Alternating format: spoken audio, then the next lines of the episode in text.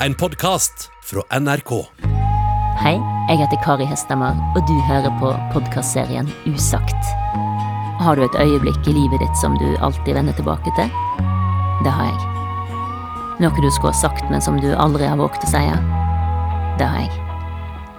Noe ugjort du skulle ha gjort før det er for seint? I denne serien skal du få møte folk som sier det de aldri før har sagt, og som hopper ut i det de er aller mest redde for.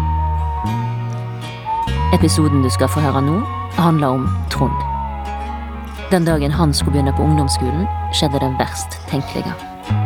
Og han har aldri blitt ferdig med det. I dag har han ingen kontakt med de gamle klassekameratene sine, og han seiler under falskt navn på Facebook for å slippe å bli gjenkjent. Spørsmålet er hva husker de, og er det mulig å møtes igjen? Det er Hege Haug Omre som forteller historien om Trond. En mor spør sin sønn, slik mødre ofte gjør. Hvordan var det på skolen i dag? Jeg svarte som jeg alltid gjorde. Det var fint.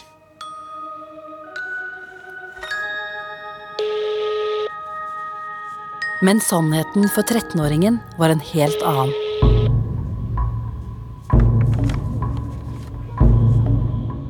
Er det det med Trond du skal tilbake til nå, kanskje? Nei, fordi den, eh, akkurat den eh, turen der, så er det masse snakk i ettertid om at han prøvde å ta livet sitt på den turen. Ja. Det var det jeg Det var det, var det jeg, håper jeg, folk sa til meg. At jeg var, jeg var teit, jeg var stygg, jeg var irriterende. Jeg har begynt å grave i en 20 år gammel mobbehistorie som jeg hørte første gang i P2-programmet Salongen. En kort historie om mobbing, hvor Trond forteller om en ydmykende skoledag. Det var på en klassetur hvor Trond skulle møte og bli kjent med nye elever han skulle begynne på ungdomsskolen med. En tur hvor også mobberne var med. Eh, Ok. Hva slags historie er det? Nei, det handler egentlig om eh, en historie som jeg lurer på om eh, du kanskje var en var, til stede på, egentlig. Eh, og så jobber jeg med en sak som handler litt om klassemiljø og mobbing. Eh, så derfor ringer jeg til deg. Eh, Hva var navnet ditt, sa du?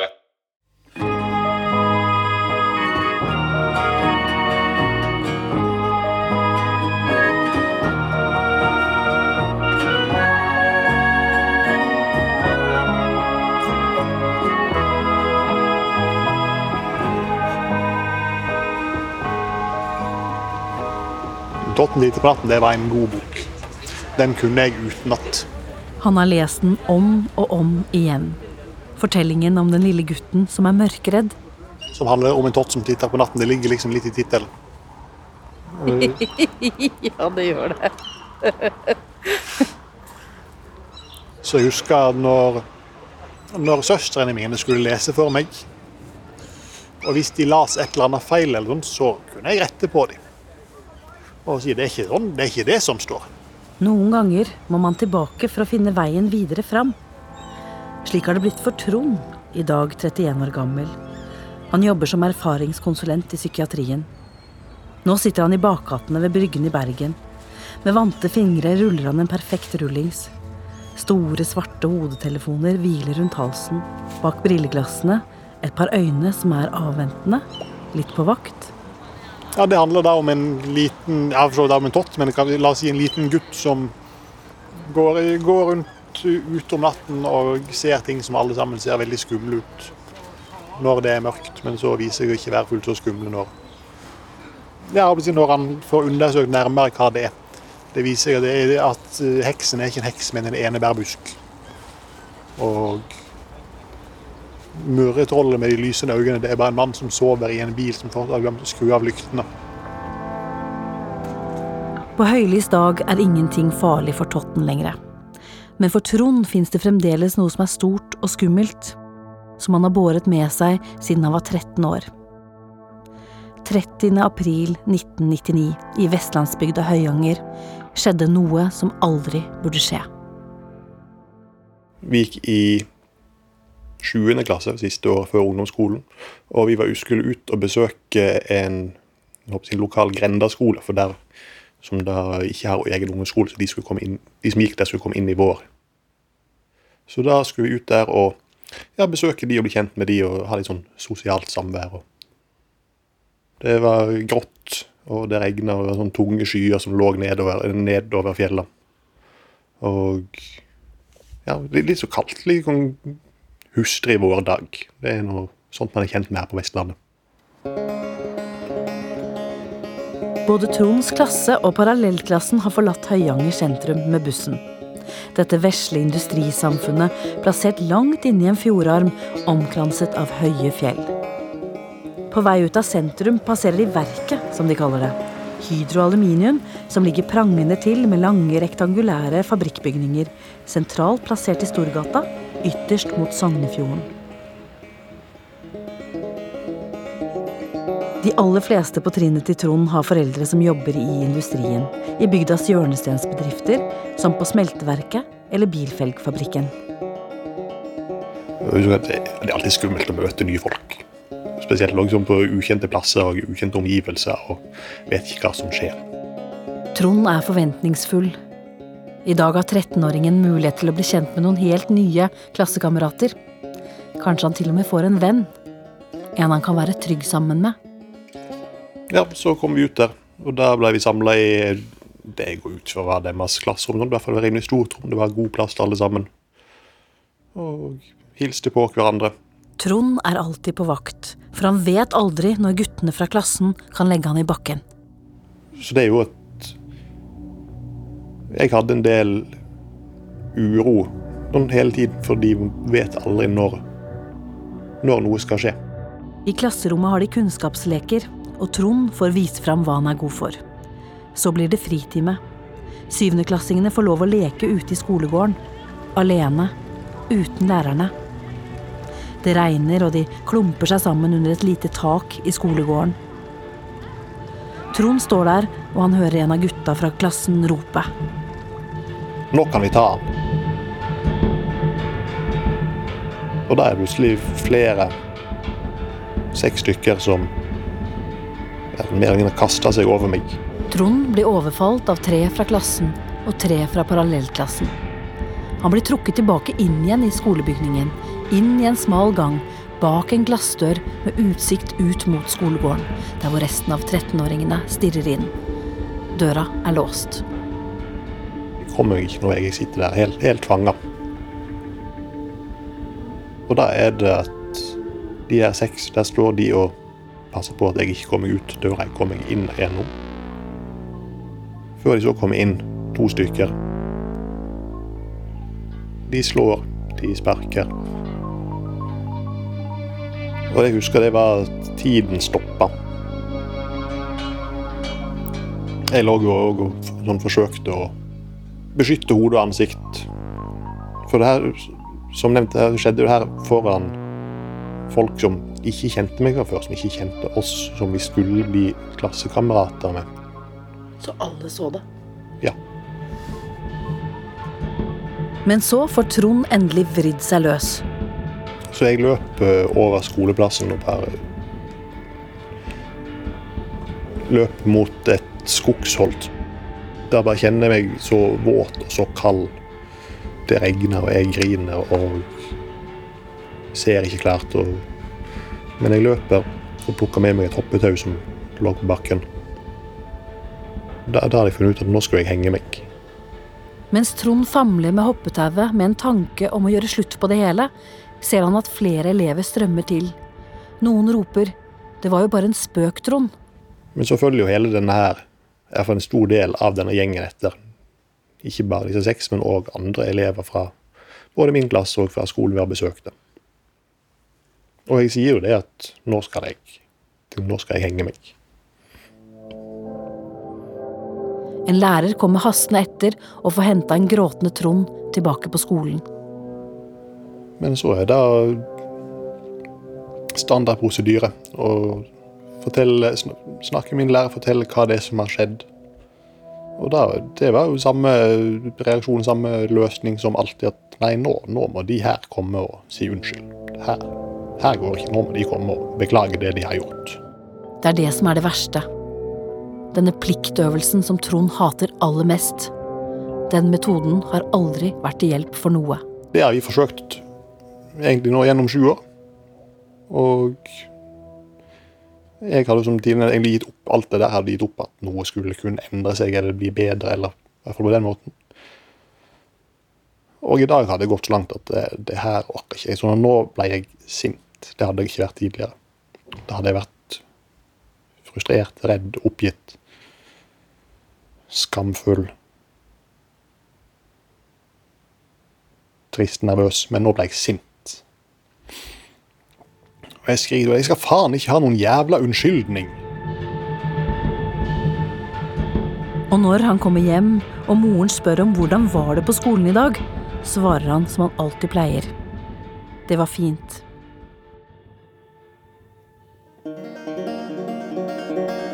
Trond tar aldri båten fra Bergen hjem til Høyanger lenger. Og skjuler seg så godt han kan for de gamle klassekameratene og seiler under falsk flagg på Facebook. Jeg lå sånn under overflaten og lå gna og gnog Gnagde. Gnagde, tror jeg. Lå og gnagde på meg. Fram til nå har han ikke villet at de skal vite at han eksisterer. Men nå, snart 20 år etter fritimen på Kyrkjebø, har jeg fått en liste av Trond. På lista står det navn på de som kanskje var der. Navn til noen som kanskje så noe. Andre som kanskje slo.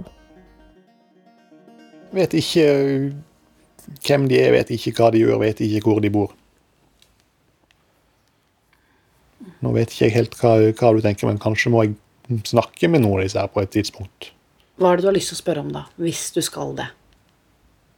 Jeg kunne tenkt meg å vite om min virkelighetsoppfatning stemmer overens med deres virkelighetsoppfatning. For det er det godt mulig han ikke gjør. Har de i ettertid tenkt at de har mobba noen? Det er ikke sikkert. Har noen av de opplevd sjøl å ha barn som har blitt mobba, eller som mobber noen? Har det her på noen måte påvirka deres liv? Det kunne vært litt spennende å vite.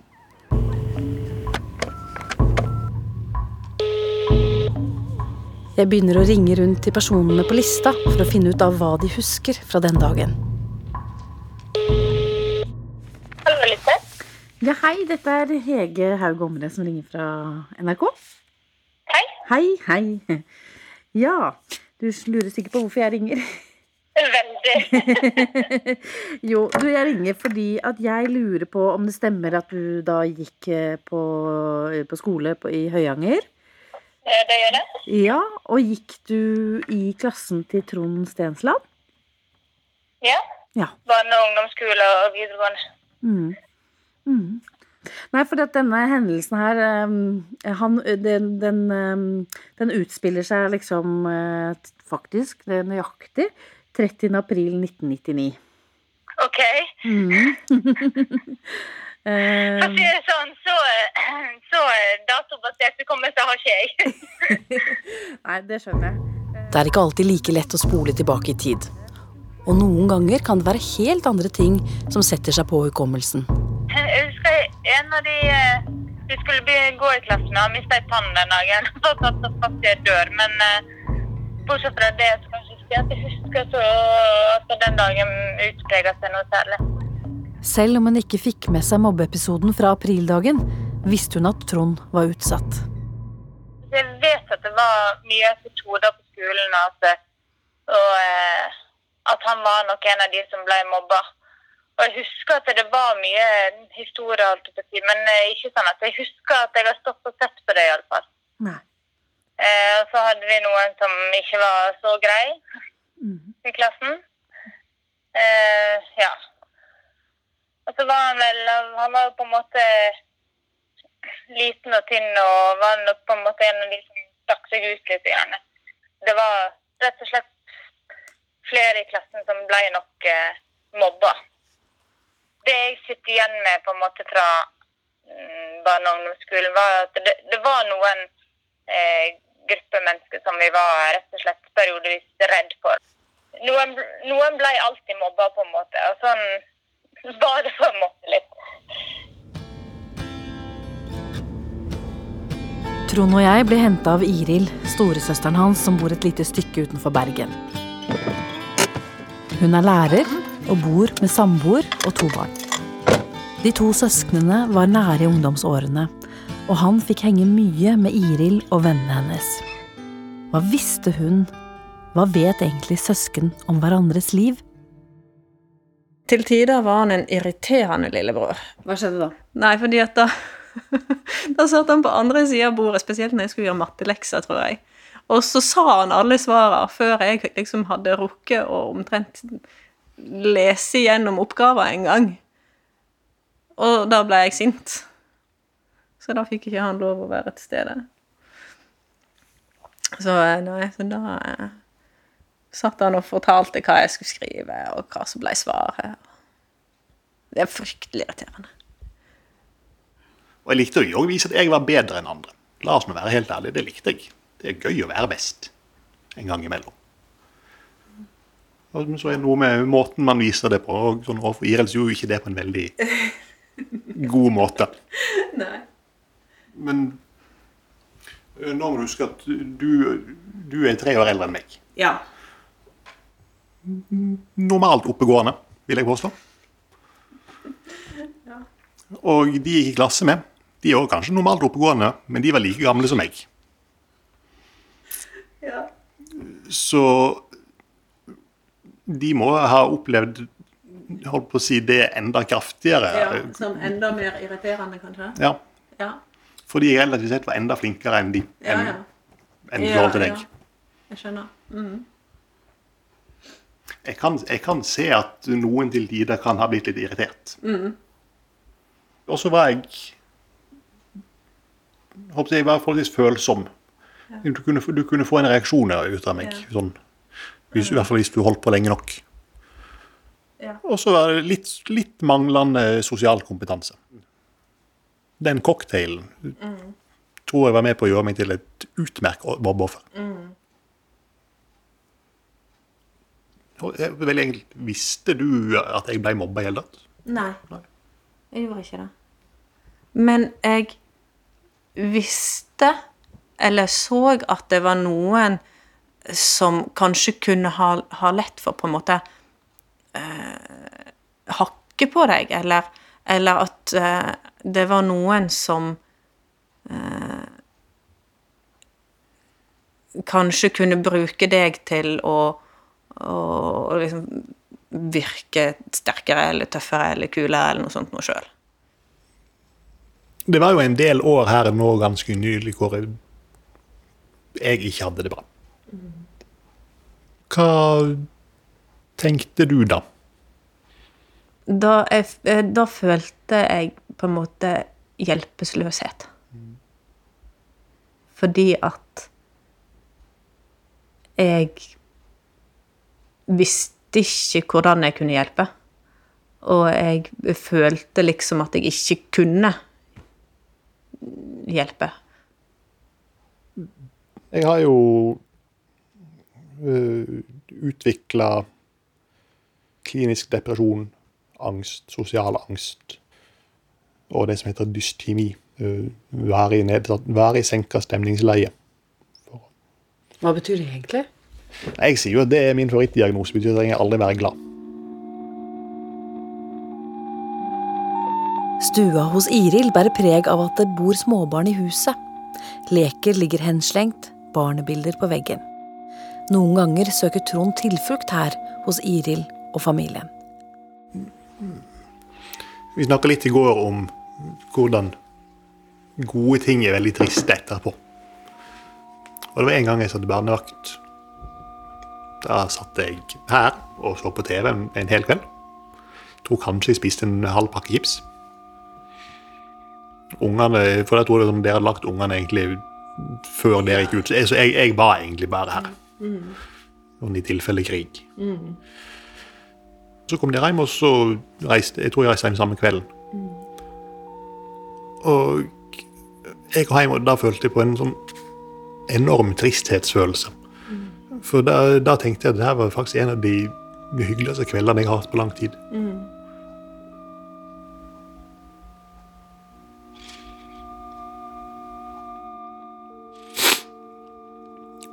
Og når jeg da på et tidspunkt, eller på den tiden sånn opplevde det at jeg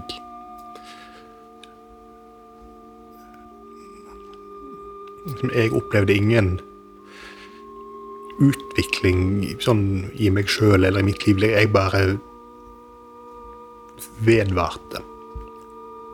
Storesøster Iril er bekymra for hva som kan skje når Trond nå graver seg tilbake i sin egen mobbehistorie. Jeg tror dette her blir tøft. Og opprivende. Og så håper jeg at det blir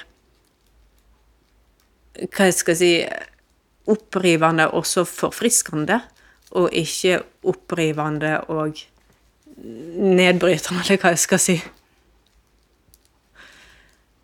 Men jeg tror at det blir tungt. Jeg fortsetter å ringe rundt til elever som kan ha vært til stede i skolegården vårdagen i 1999. Nummeret du har ringt, er ikke i bruk. Det er ikke alle som husker like godt. For å være helt ærlig. Jeg husker, jeg husker ingenting fra den historien. Altså det, det som skjedde der. Det, det er såpass mange år siden at eh, jeg husker, jeg, jeg husker vi ble innkalt til et møte med alle foreldrene. Det husker jeg. Og alle ble jo mobba på et sett og vis. Det er jo bare mm, hvordan du tar det til deg. Gjennom flere samtaler sitter jeg igjen med et inntrykk av en røff industrikultur som fremdeles preger dette fjordsamfunnet. At det er viktig å sette seg i respekt.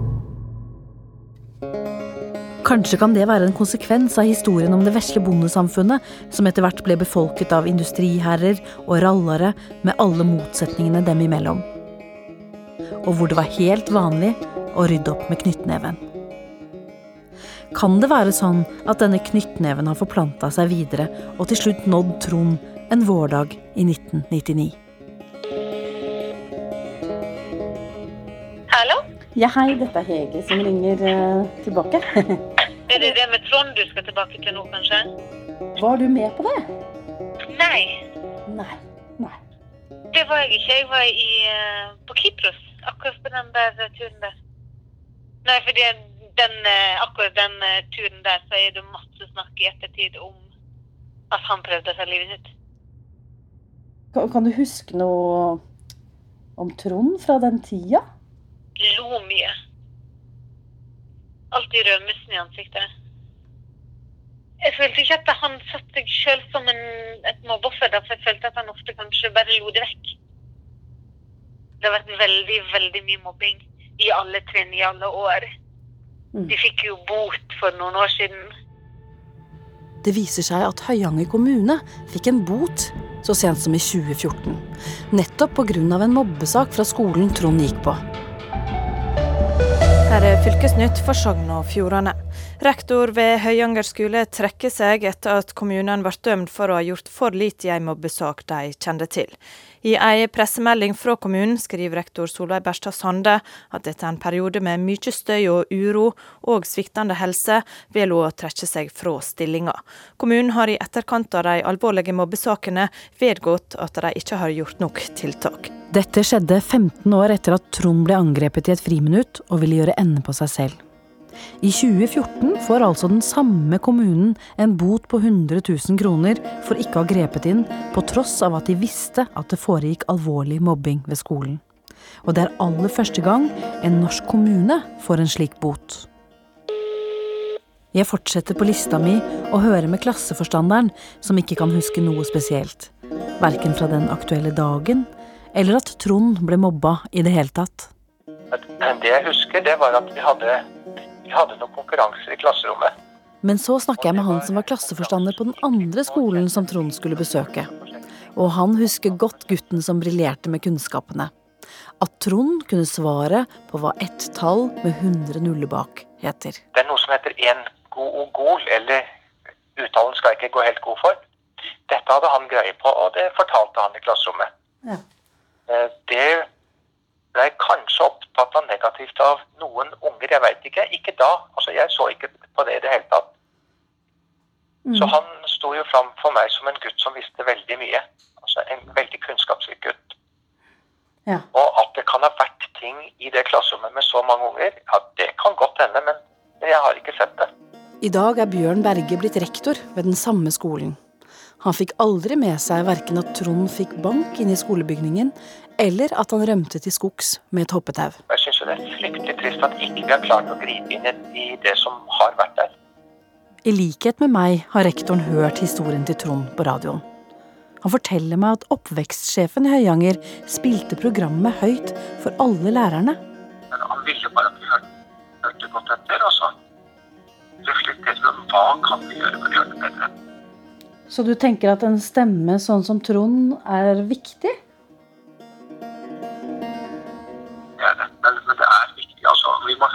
Stemmene.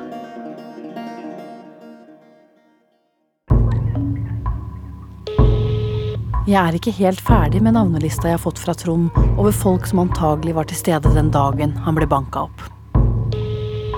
Nummeret du har ringt, er ikke Iblant lurer Trond på hva som er fakta, og på hvordan de andre elevene husker det som skjedde. Nei, eh, eh, det var rykte eh, på, etter vi kom til Høyanger om at eh, Trond på hadde på et eller annet tidspunkt henta et tau eh, og hadde lyst til å gjøre ja, ta et selvmord med det. Men jeg husker ikke mer enn det, som sagt. Nei. Vi hadde vel en del sånne eh, uromomenter i klassen. da. Det hadde vi. Det var vel en elev som eh, gikk på eh, eh, lærere av og til når man ble sint, f.eks. Mm. Så du har eh, også opplevd på en måte litt fysisk angrep, eller blitt mobba Ja. litt? Mm. Ja. Hva var det de mobba deg for, da? Ja. Utseende, homofil, den type ting. Sånn at en del av det miljøet, eller den kulturen, eller ukulturen, som vi kan kanskje kalle det, har rett og slett prega deg videre? Ja, det har det jo.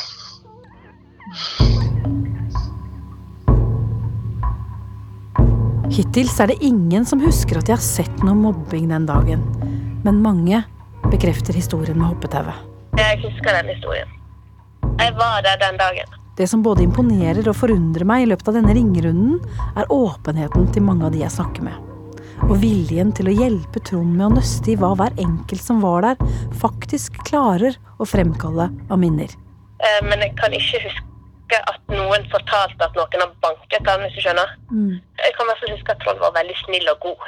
Hvis du skjønner. Ja. Og at vi hadde det morsomt i lag. Ja. Men jeg kan òg huske at han har vært mobba. Det er veldig tøft av han å snakke om det og komme fram med det. Jeg krysser av og stryker navn etter navn. Det blir færre og færre på lista jeg har fått av Trond. Foreløpig er det ingen som har sett eller hørt noe om guttene som skal ha gått til angrep. Jeg begynner å lure på om noen i det hele tatt vil fortelle. Ikke noe som jeg har så veldig eh, lyst til å prate om, egentlig. Nei. Det er vel eh, den episoden på Kirsebø skole han tenker på. Ja. Ja.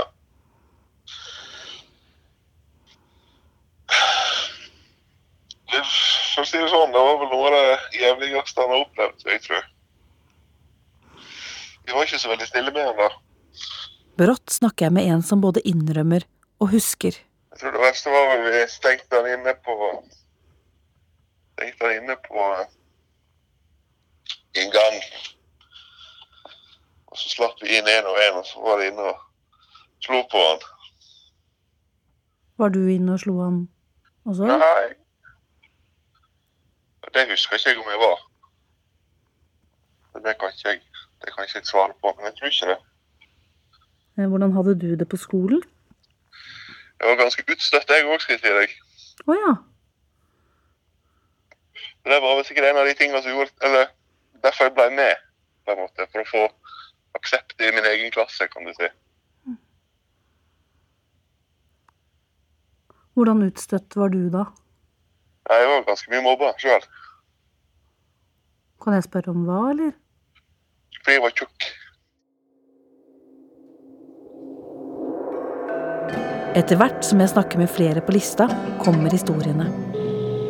Det er mange fra den tiden som forteller om en frykt for å ikke passe inn, utestenging eller direkte mobbing. Jeg har ett navn igjen på lista mi.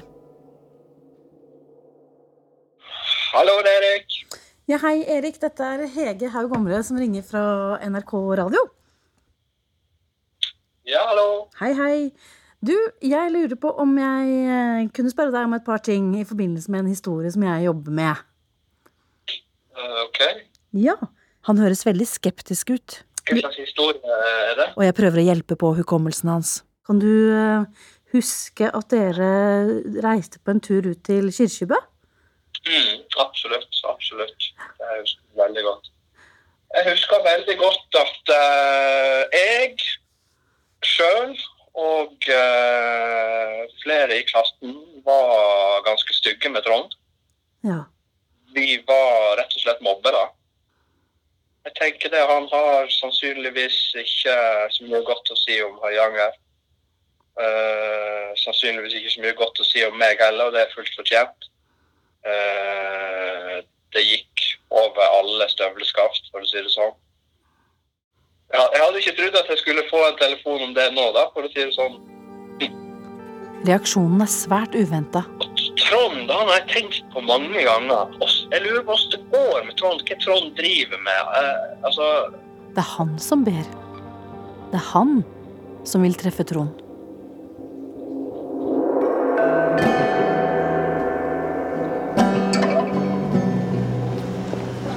Er det én ting Trond er redd for, så er det å møte Erik, som representerer alt Trond syns var vanskelig i barne- og ungdomsskoleårene.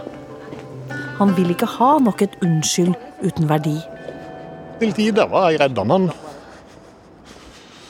sånn, nei, han var, var, kunne være voldelig. Trond er tydelig stressa. Nå kjenner jeg at jeg er ganske aktivert. Litt sånn på vakt. Vi har avtalt å møte Erik i vestibylen på et hotell. Litt kvalm.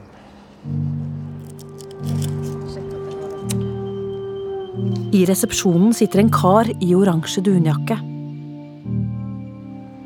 Det er Erik. Det er lenge siden. Jeg er ikke- jeg ikke helt riktig hyggelig ennå, men vi får se hvordan kvelden skrider fram. Erik har reist med morgenbåten fra Sogndal til Bergen. Det er to tydelig nervøse menn som møtes. De har ikke sett hverandre på lenge og tar plass overfor hverandre i sofaen. Jeg så jo på en måte for meg at eh, når du flytta til Bergen, så, ja, så begynte du på filosofi eller eh, russisk eh, litteraturhistorie eller noe sånn tilsvarende. Litt sånn eh, kjedelige eh, greier. Det er min mening. Erik har jobba mange år som ingeniør i oljeindustrien, men har gjort helomvending og driver nå med klimastudier. Nei, jeg må jo si jeg eh, fikk jo litt sånn hakeslepp når jeg fikk en telefon her forrige mandag, eh, var det vel. Men så tar Trond regien. Men når vi da først er inne på det, så vil jeg gjerne høre litt om samtalen din med Hege. Hvordan var det? Hva tenkte du når den, når den, når den telefonen kom? Ja, ehm, altså, jeg hadde jo nettopp kommet hjem fra skolen. Uh, klokka var vel omtrent tolv. Tolv-halv ett. Jeg hadde kokt meg en kopp eh, kaffe. Satt og dilla med noe elektronikk. Og så plutselig ringer en dame og vil snakke om en, en historie som hun har hørt om noe som skjedde for nesten 20 år siden. Så jeg eh, Ja, jeg, eh, jeg, ble, jeg ble litt satt ut, men, men, eh, men så, jeg, så jeg reiste på en måte tilbake til barndommen. tilbake til Høyanger skole. For jeg har ikke alltid vært noen snill gutt. Det, det er helt sant. Hva slags minner har Erik fra den dagen de skulle ut på naboskolen for å bli kjent med nye klassekamerater? Stemmer de med Trons? Da var det, sant. Altså, da skulle en tøffe seg. Jeg skulle etablere på en måte hvem som var alfahannen, og Jeg var ikke alfahann. Du var ikke alfahann, sant? Jeg ville være alfahann. Um, og ja, så det som kanskje begynte som noe uskyldig, utarta seg til å bli eh, noe som eh, strengt tatt burde vært en politisak. Det burde ha vært en politisak, sier Erik. Og så tar Trond regien igjen. Men Erik Han spør om Erik har hørt historien Trond har fortalt på radioen. Jeg lurer på om du kunne fortelle din historie fra den dagen. Det du husker. Ja. Jeg, jeg, jeg, for å være helt ærlig, så husker jeg egentlig ikke eh, noe særlig. Men eh, ja. Det Jeg tenker det er din historie, og jeg uh, syns vi skal bare la den stå sånn som den er. Eh, men jeg vet jo at jeg var en av de som var verst. Jeg var en av de verstingene. Det var jeg. Og eh, jeg vet at uh, vi var Og jeg var fysisk og verbalt uh, mishandla deg, for å si du så det. Akkurat den episoden der så gikk det jo over alle støvleskaft. Det er ikke noe jeg er stolt over, for å si det sånn. Det, det er noe jeg skulle ønske jeg kunne ta tilbake. Ja, og så, og så tenker jeg òg at det er jo så Det er så feil på så mange nivå. For du var jo en av flokken vår. Du var jo i vår klasse. Du tilhørte på en måte vårt lag. Og det er ikke sånn en på en måte behandler folk som er på samme lag.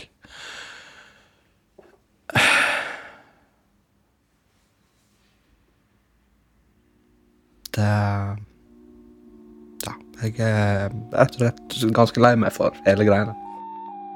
Og det er nå det kommer. Ordet Trond tidligere hata som verst.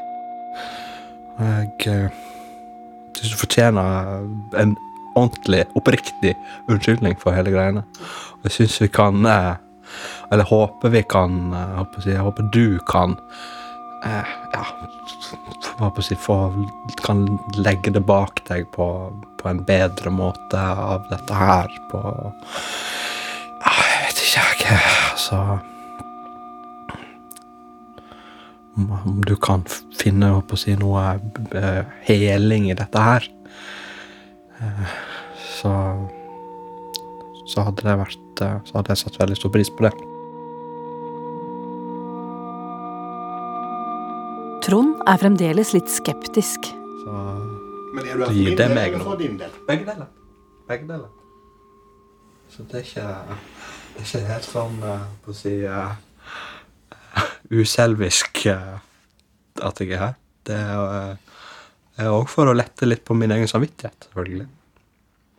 Ja, Det tenker jeg er helt fair. For jeg vil, jo- jeg vil jo tro at det her koster deg litt. Har kosta deg litt. Det er jo en litt absurd situasjon. Helt absurd. Det er det.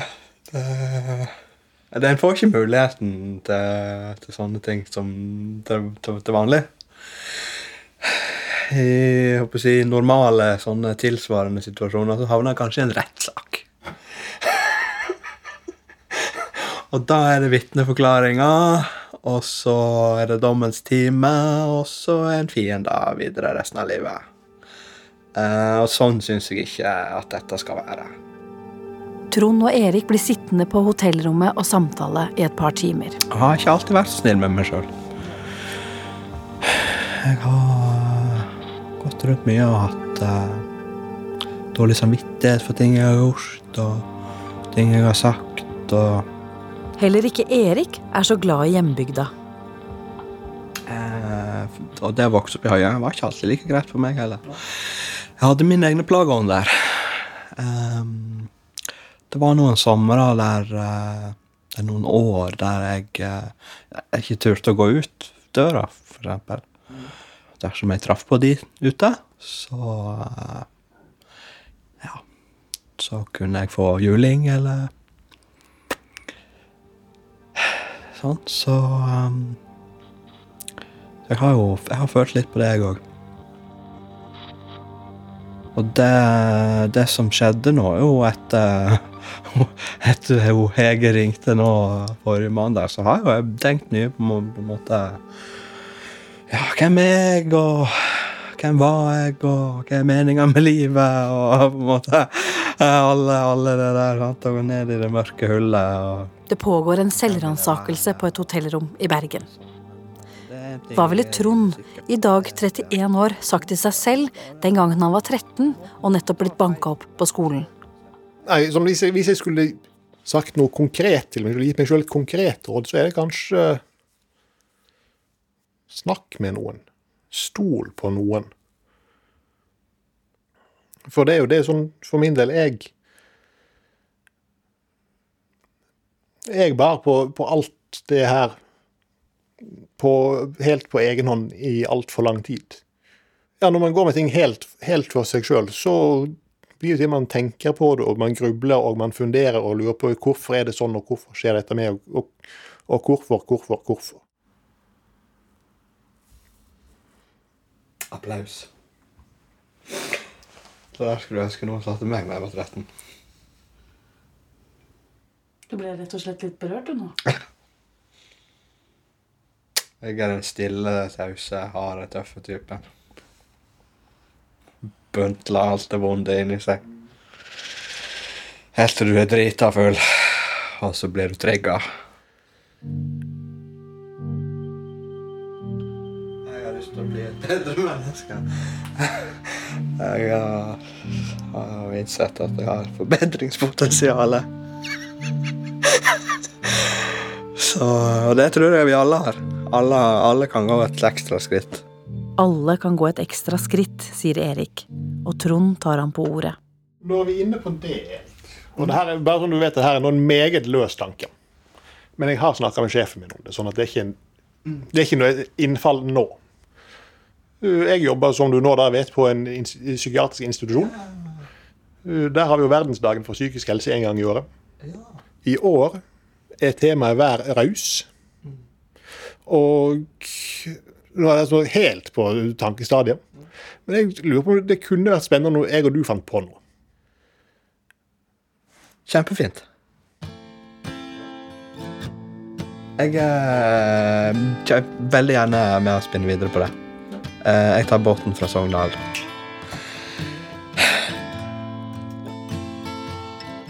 Jeg tror liksom det å høre de og noen fra den andre siden, for å kalle det det, høre en av mobberne Si litt om hva deres tanker, refleksjoner Det vil vise at det faktisk kan være OK folk likevel. Det tror jeg kan være, være til nytte for veldig mange andre òg. Misforstå meg, men at de kan få en implisitt, eller kanskje mer en overført unnskyldning. Trond og Erik som gikk i samme klasse i ti år, nå ansikt til ansikt på et hotellrom. Trond som strevde etter å finne sin plass i hierarkiet. Og Erik som ville være alfahann og brukte knyttneven. Fra en nervøs start er stemningen brått litt mer løssluppen. jeg hadde en, en dårlig kombinasjon av å være veldig smart, være klar over at det var veldig smart, og like å påpeke det. Og det, det ser jeg at det kan få folk til å føle seg som du sier, føle seg dumme, føle seg mindre verdt, og selvfølgelig bli provosert, sint, irritert. Den har ikke jeg problemer med å se. Uh, for å si det rett ut, så kunne du være jævlig provoserende. Til tider. det, det Det kan jeg jo si.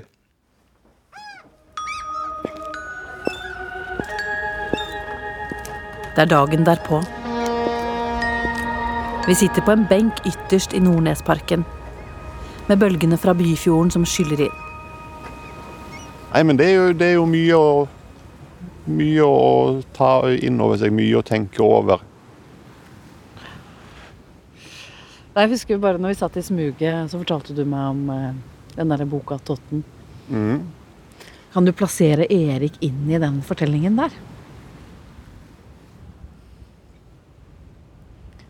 Nei, for i, i Totten titter på natten, så er det en sekvens hvor han ser to, to lysende øyne mot seg og en høy murrelyd.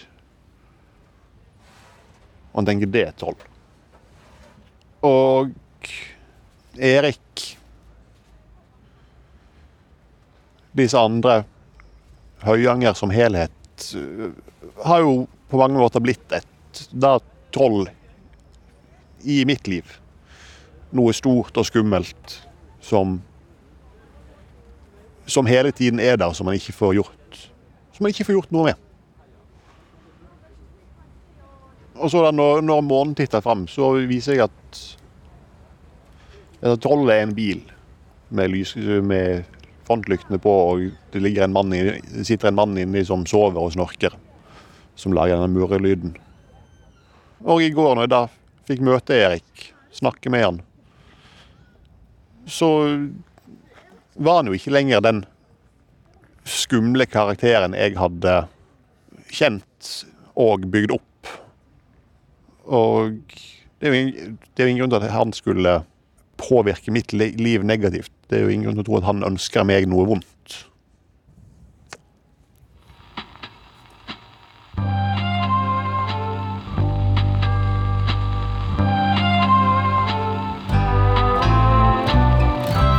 Du har hørt Usagt. Denne episoden er laga av Hege Haug Omre. Produsent Kari Hesthammer. Klipp og lyddesign var ved Nils Jakob Langvik. Og konsulent Ellen Wisløff. Musikken du hørte, er laga av Geir Sundstøl. Hvis du likte dette, sjekk ut Usagt for flere episoder.